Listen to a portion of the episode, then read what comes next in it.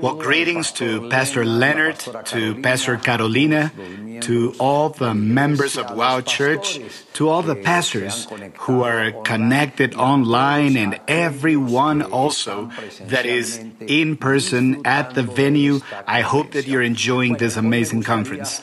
All right, well, today I'd like to share a very important subject. In the Gospel of John, chapter 8, verses 31 and 32, the Lord Jesus Christ said, If you abide in my word, you are my disciples indeed, and you shall know the truth, and the truth shall make you free. But before I get started with my message, which I call Principle of Reproduction, I'd like to start with a word of prayer asking the Lord to truly minister to everyone by His word.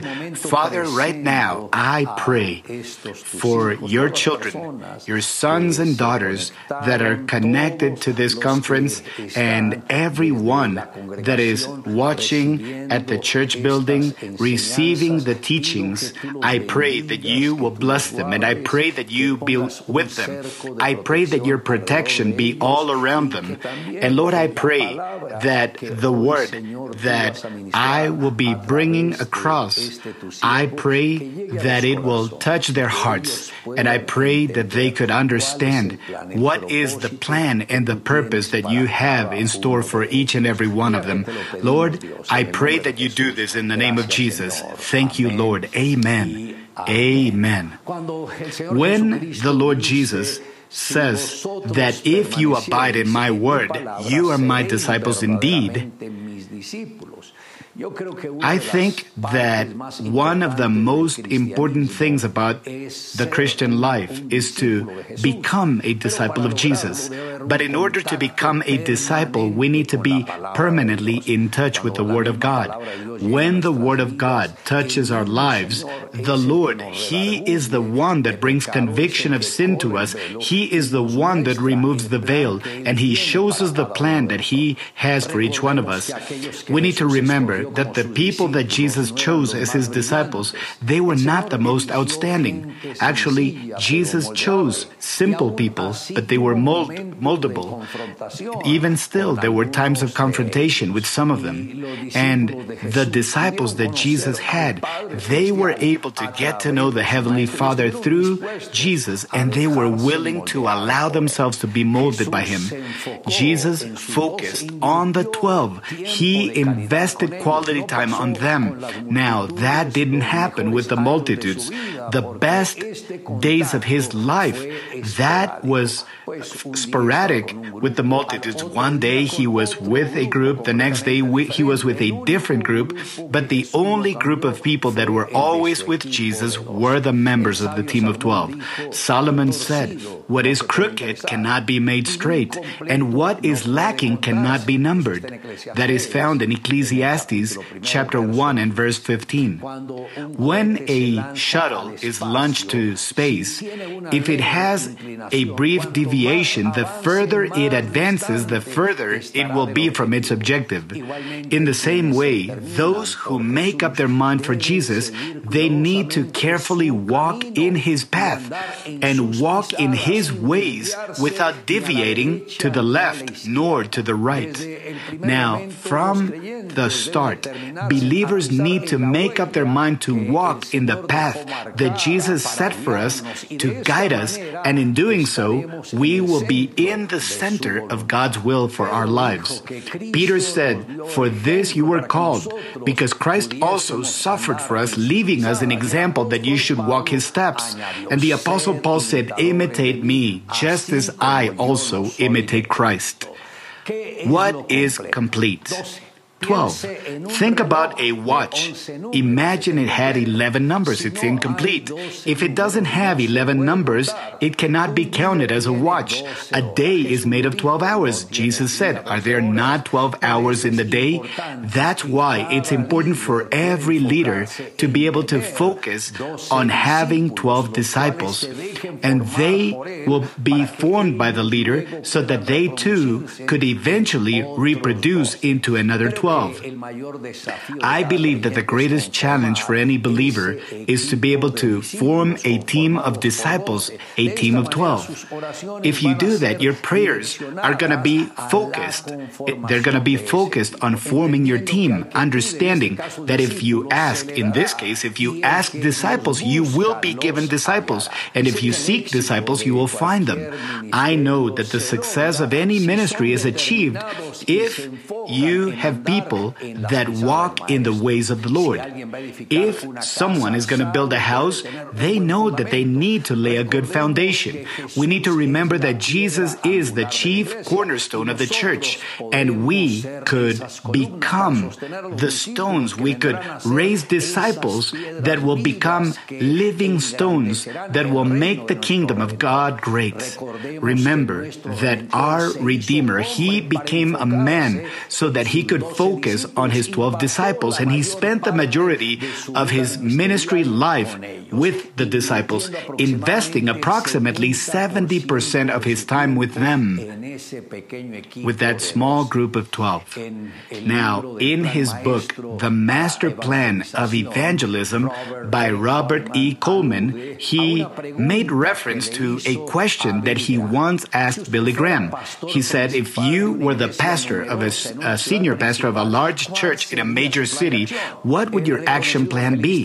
Now, the evangelist replied, He said, One of the first things that I would do is I would gather a group of 10 to 12 men, and I would gather with them several hours per week, teaching them to pay the price. Yes, it would cost them a bit of time and effort, but after a period of years, I would have shared everything that I've been given. I would have raised 12 ministers, 12 ministers that will also take another 10 to 12 other people to teach them.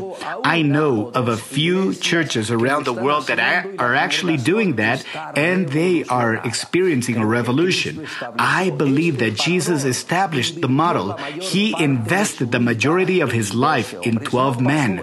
Now, he didn't spend that much time with the great multitudes. As a matter of fact, I think that any time that Jesus was with the multitudes, the results were not as amazing. I think that Jesus' greatest accomplishments happened in his personal encounters in the time that he invested with the members of his 12. In the Sermon at the Mountain, Jesus taught that when building a house, you find two kinds of people those who are wise and those who are foolish. Now, the wise, they look for good foundation, but fools will build upon sand.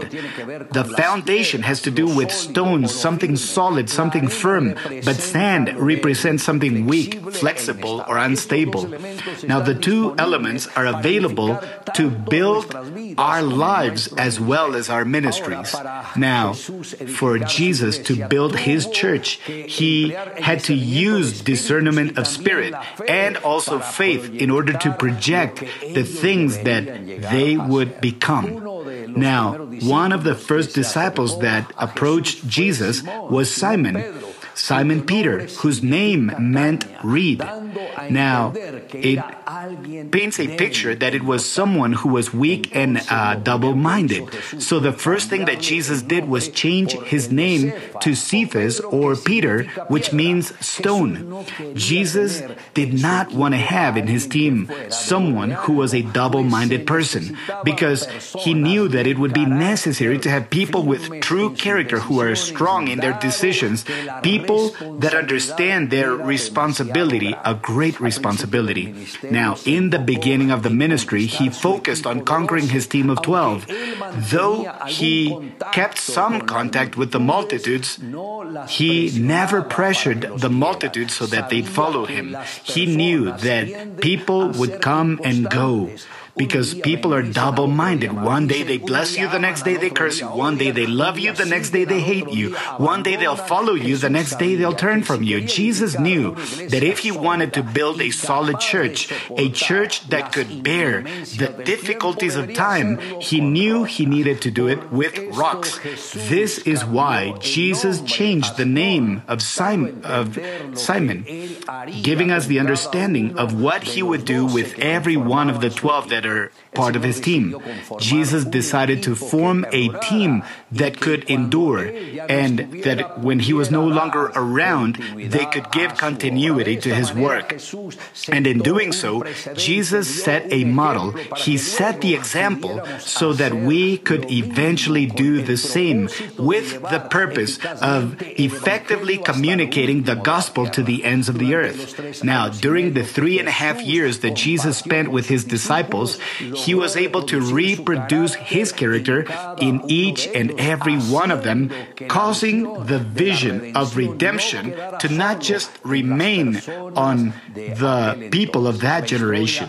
History registers that each one of the twelve, they were able to give their all, making sure that the vision would endure generation after generation until everything could be filled with the gospel of Jesus Christ. If you want a long lasting leadership that would endure generations, follow the steps of the Master. If you believe that the Lord called you to develop that kind of leadership, He will give you the grace that is necessary to do that.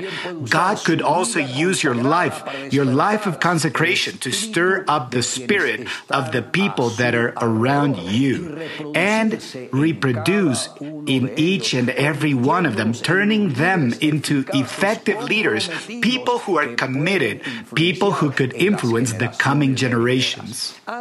Now, before empowering his team of 12, the Bible says that Jesus went about all the cities and villages teaching in their synagogues, preaching the gospel of the kingdom, and healing every sickness and every disease among the people. But when he saw the multitudes, he was moved with compassion for them because they were weary and scattered like sheep having no shepherd. This is what Matthew said in the Gospel of Matthew, chapter 9, verses 35 to 36. In his intense uh, ministry labor, he could perceive the great need that people had and the lack of servants who were willing to bring the good news of salvation. Therefore, Jesus asked his disciples to pray for laborers, and that means that in Christian leadership, there is a need of people that are willing to carry other people's burdens because in doing so, it helps us to develop true compassion, which is to make sure that the blessing of receiving Jesus in your heart could also reach other people's lives. On the other hand, this biblical scripture also teaches us that there are five important points that we need to apply in order to develop true compassion. First, it says that Jesus went about all the cities and villages. When Jesus walked the villages, he could perceive, firsthand could perceive, like the things that the people were feeling and thinking, and he could get to know their needs, their deepest needs. That is why it's necessary to go where those who are hungry and thirsty for God are. But then the Bible says that Jesus was teaching in their synagogues. Now, teaching the Word of God, it opens the veil, it brings clarity of the revelation of what God wants for their lives. Through the prophet Hosea, the Lord revealed why the spiritual condition of the people by saying, My people are destroyed for lack of knowledge. Because you have rejected knowledge, I also will reject you from being a priest for me. Because you have forgotten the law of your God, I also will forget your children. This is found in the book of Hosea, chapter 4, and verse 6. If they would have had the knowledge of the Word of God, the Lord would have protected them and preserved them in priesthood, keeping them and their descendants. We need to dedicate time to instruct people in the Word of God with the goal of making sure that their lives are walking down the right path. The Bible also says that Jesus was preaching the gospel of the kingdom. The preaching of the gospel it confronts people with their sin. It is the only thing that is going to lead them to repentance. Because we know that the only thing that could transform a person's life is the Word of God. Therefore, it is important to teach it in a simple way and to become a living testimony of the things that God has done in our lives, so that in doing so, other people will long to surrender their lives to Jesus. And then the Bible says, and healing every sickness and every disease among the people. The compassion that Jesus had was so great that he not only gave them the message of salvation, but he was also bringing healing to all of their affliction and pain. We need to exercise our authority in the name of Jesus to bring deliverance to people from any kind of demonic oppression. And the Bible also says, when he saw the multitudes, he was moved with compassion for them. Jesus knew that the work was a lot of work for only one person to do it alone. And that is why he encouraged them to ask in prayer that God would send laborers to his harvest. And then he taught them that the easiest way to help the multitudes is through a team of 12. It was the first thing that Jesus did. He chose a team of 12 people that were going to help him carry the burden and the weight of the work. It's important to understand that we could only know Jesus by divine revelation. Christian faith is not inherited, nor is it received by flesh or blood. It comes directly from God, from the Father who is in heaven. It, it must be made an open confession that Jesus is the Son of God. Jesus is the rock upon which the building of the church rests upon. We become in living stones in God's building, which is the church, when we truly, truly are connected to Jesus. Our faith grows in a firm way because we are on the rock of salvation, which is Christ. When I had my personal encounter with Jesus, I came to know him when I was 18 years old. And I came to know him because of an atheist professor that I had. He was a philosophy professor. And every one of his classes, he always spoke with the Bible in his hand. And he would do that to give more weight to his arguments, his atheist arguments. Well, one day he said, and he was holding the Bible, he said, This book, not only have I read it, but I have studied it. When he said that, something moved in my heart, and I said to myself, if that man, being an atheist, has read the Bible and studied it, why can't I? So I said to myself, I'm going to read the Bible, I'm going to study it, and I'm going to show this man that he is wrong. Well, that day I went back home, and the first thing I did is I looked for a Bible and I began to read it. And I wanted to read it in a single night, but I realized that it actually takes a little longer than that. Anyways, every day I was reading a lot of chapters from the Bible. And then I completely forgot about the professor, but after nine months of reading the Bible, in my mind I had a thought. I thought, why not set an appointment with God. And I said, Lord, I'd like to set an appointment with you. I'll see you tomorrow, 10:30 p.m. in my living room. And that's all I prayed. The next day, I prepared myself for that encounter because I knew that the whole family would be asleep by then. That's why I chose 10:30 p.m. and I said, Lord Jesus, if you are the Christ that the Bible speaks about who changes people's lives. Well, I want you to perform that miracle in my life, and I'd like for that to happen tonight. And I didn't know much about prayer, but I used common sense. I thought if I ask something, then I'm going to wait for an answer. Now, the next few minutes, it was like 15 minutes that were very tense. I could feel a pressure in the atmosphere. And in my mind, there were like darts fiery darts because, you know, they were fired by the enemy. They were coming to my mind. Who in the world do you think you are? God is not interested in you. You are nothing. But nothing affected me. I just thought to myself, if he is the God of the Bible, he will manifest and reveal himself to me. 15 minutes passed and something amazing happened. The front door of my house was made of steel and stained glass and I could see a bright light, a very bright light, the size of a person, was coming from the street. It trespassed the door, and it came and it stopped right next to me. That's where it stopped, right next to me.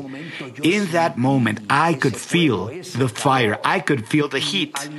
And in a blink of an eye, I felt suspended between heaven and earth.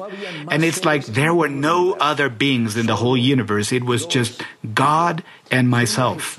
And I saw Jesus so great, so gigantic, so holy that I had to lower my head and I had to say, Lord, I am not worthy of you. I don't deserve you. I am a sinner.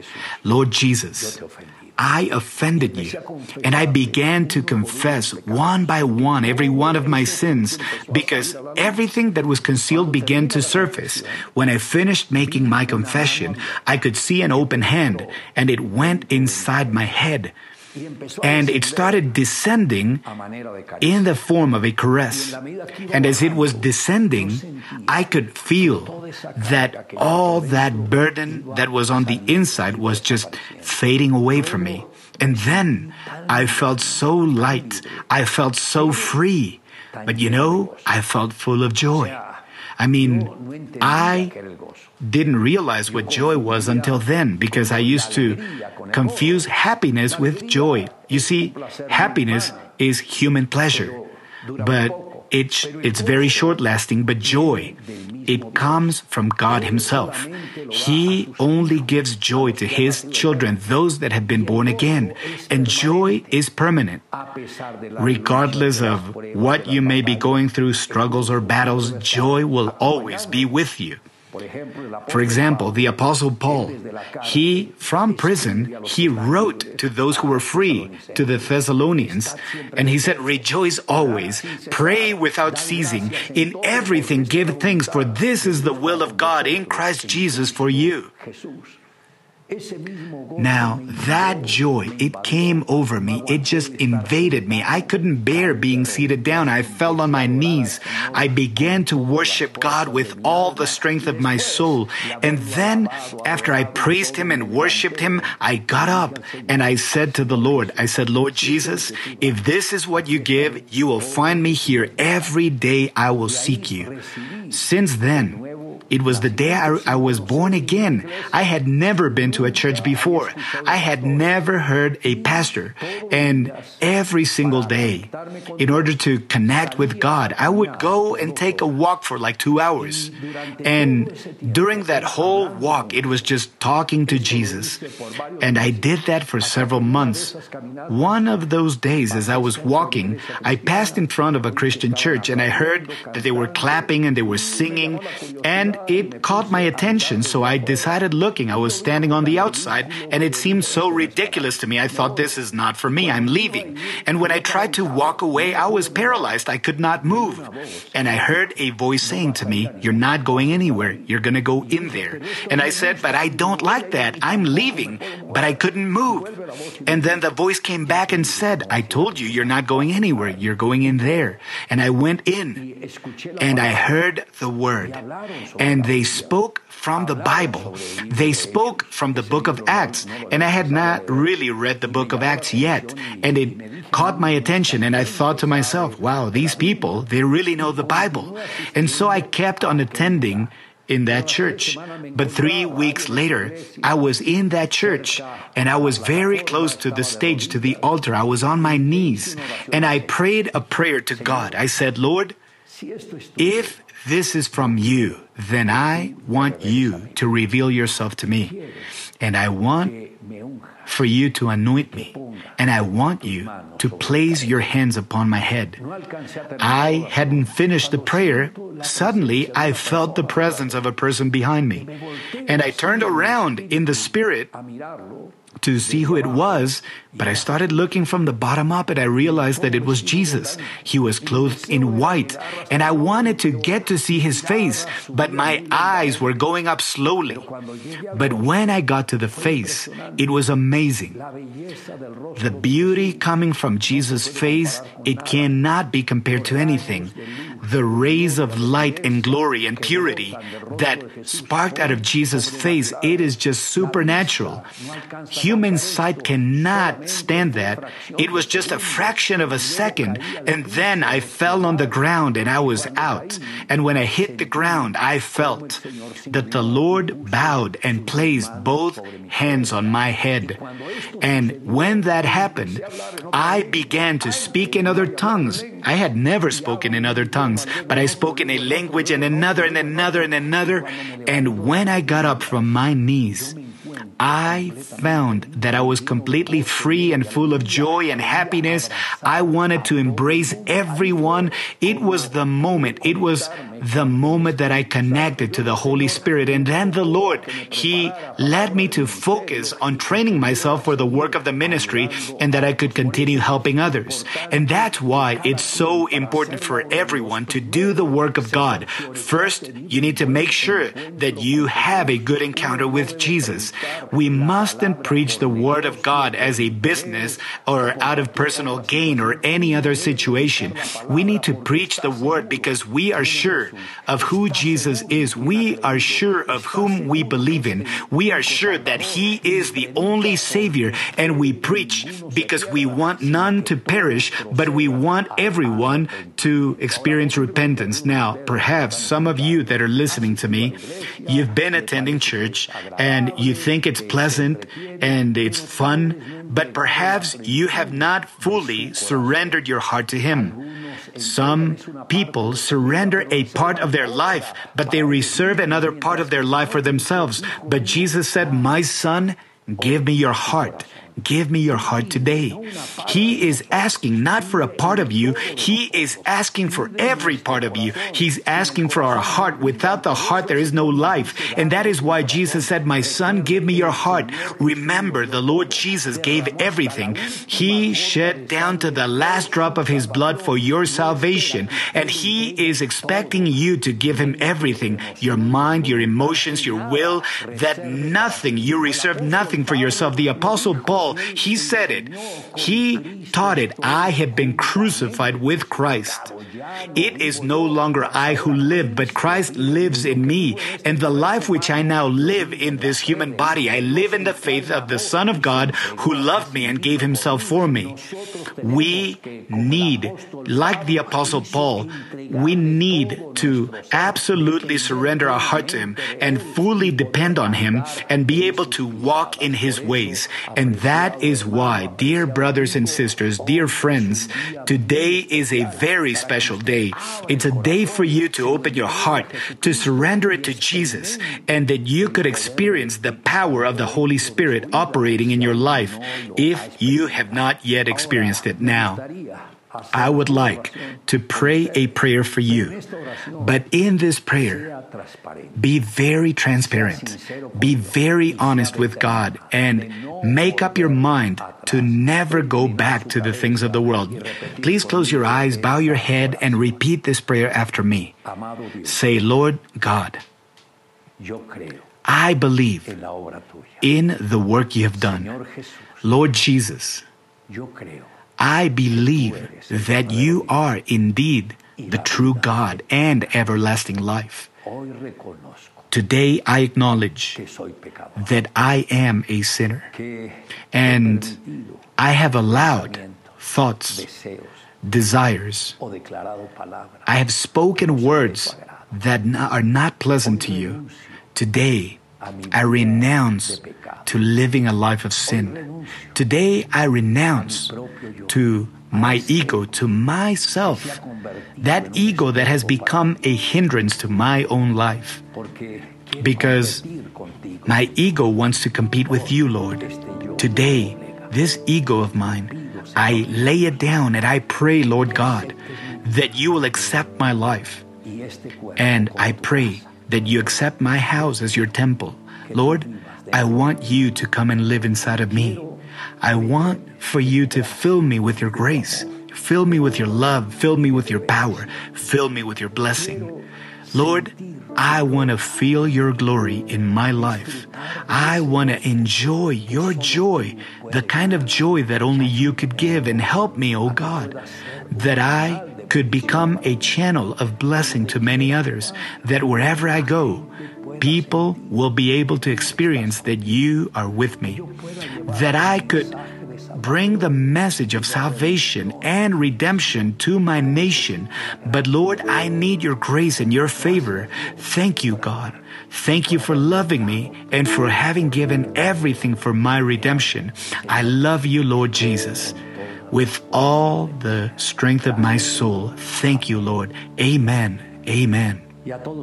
And to every one of you, thank you so much. Thank you for being a part of this conference. Thank you for connecting with us. As you know, we love you very much. We love your pastors very much.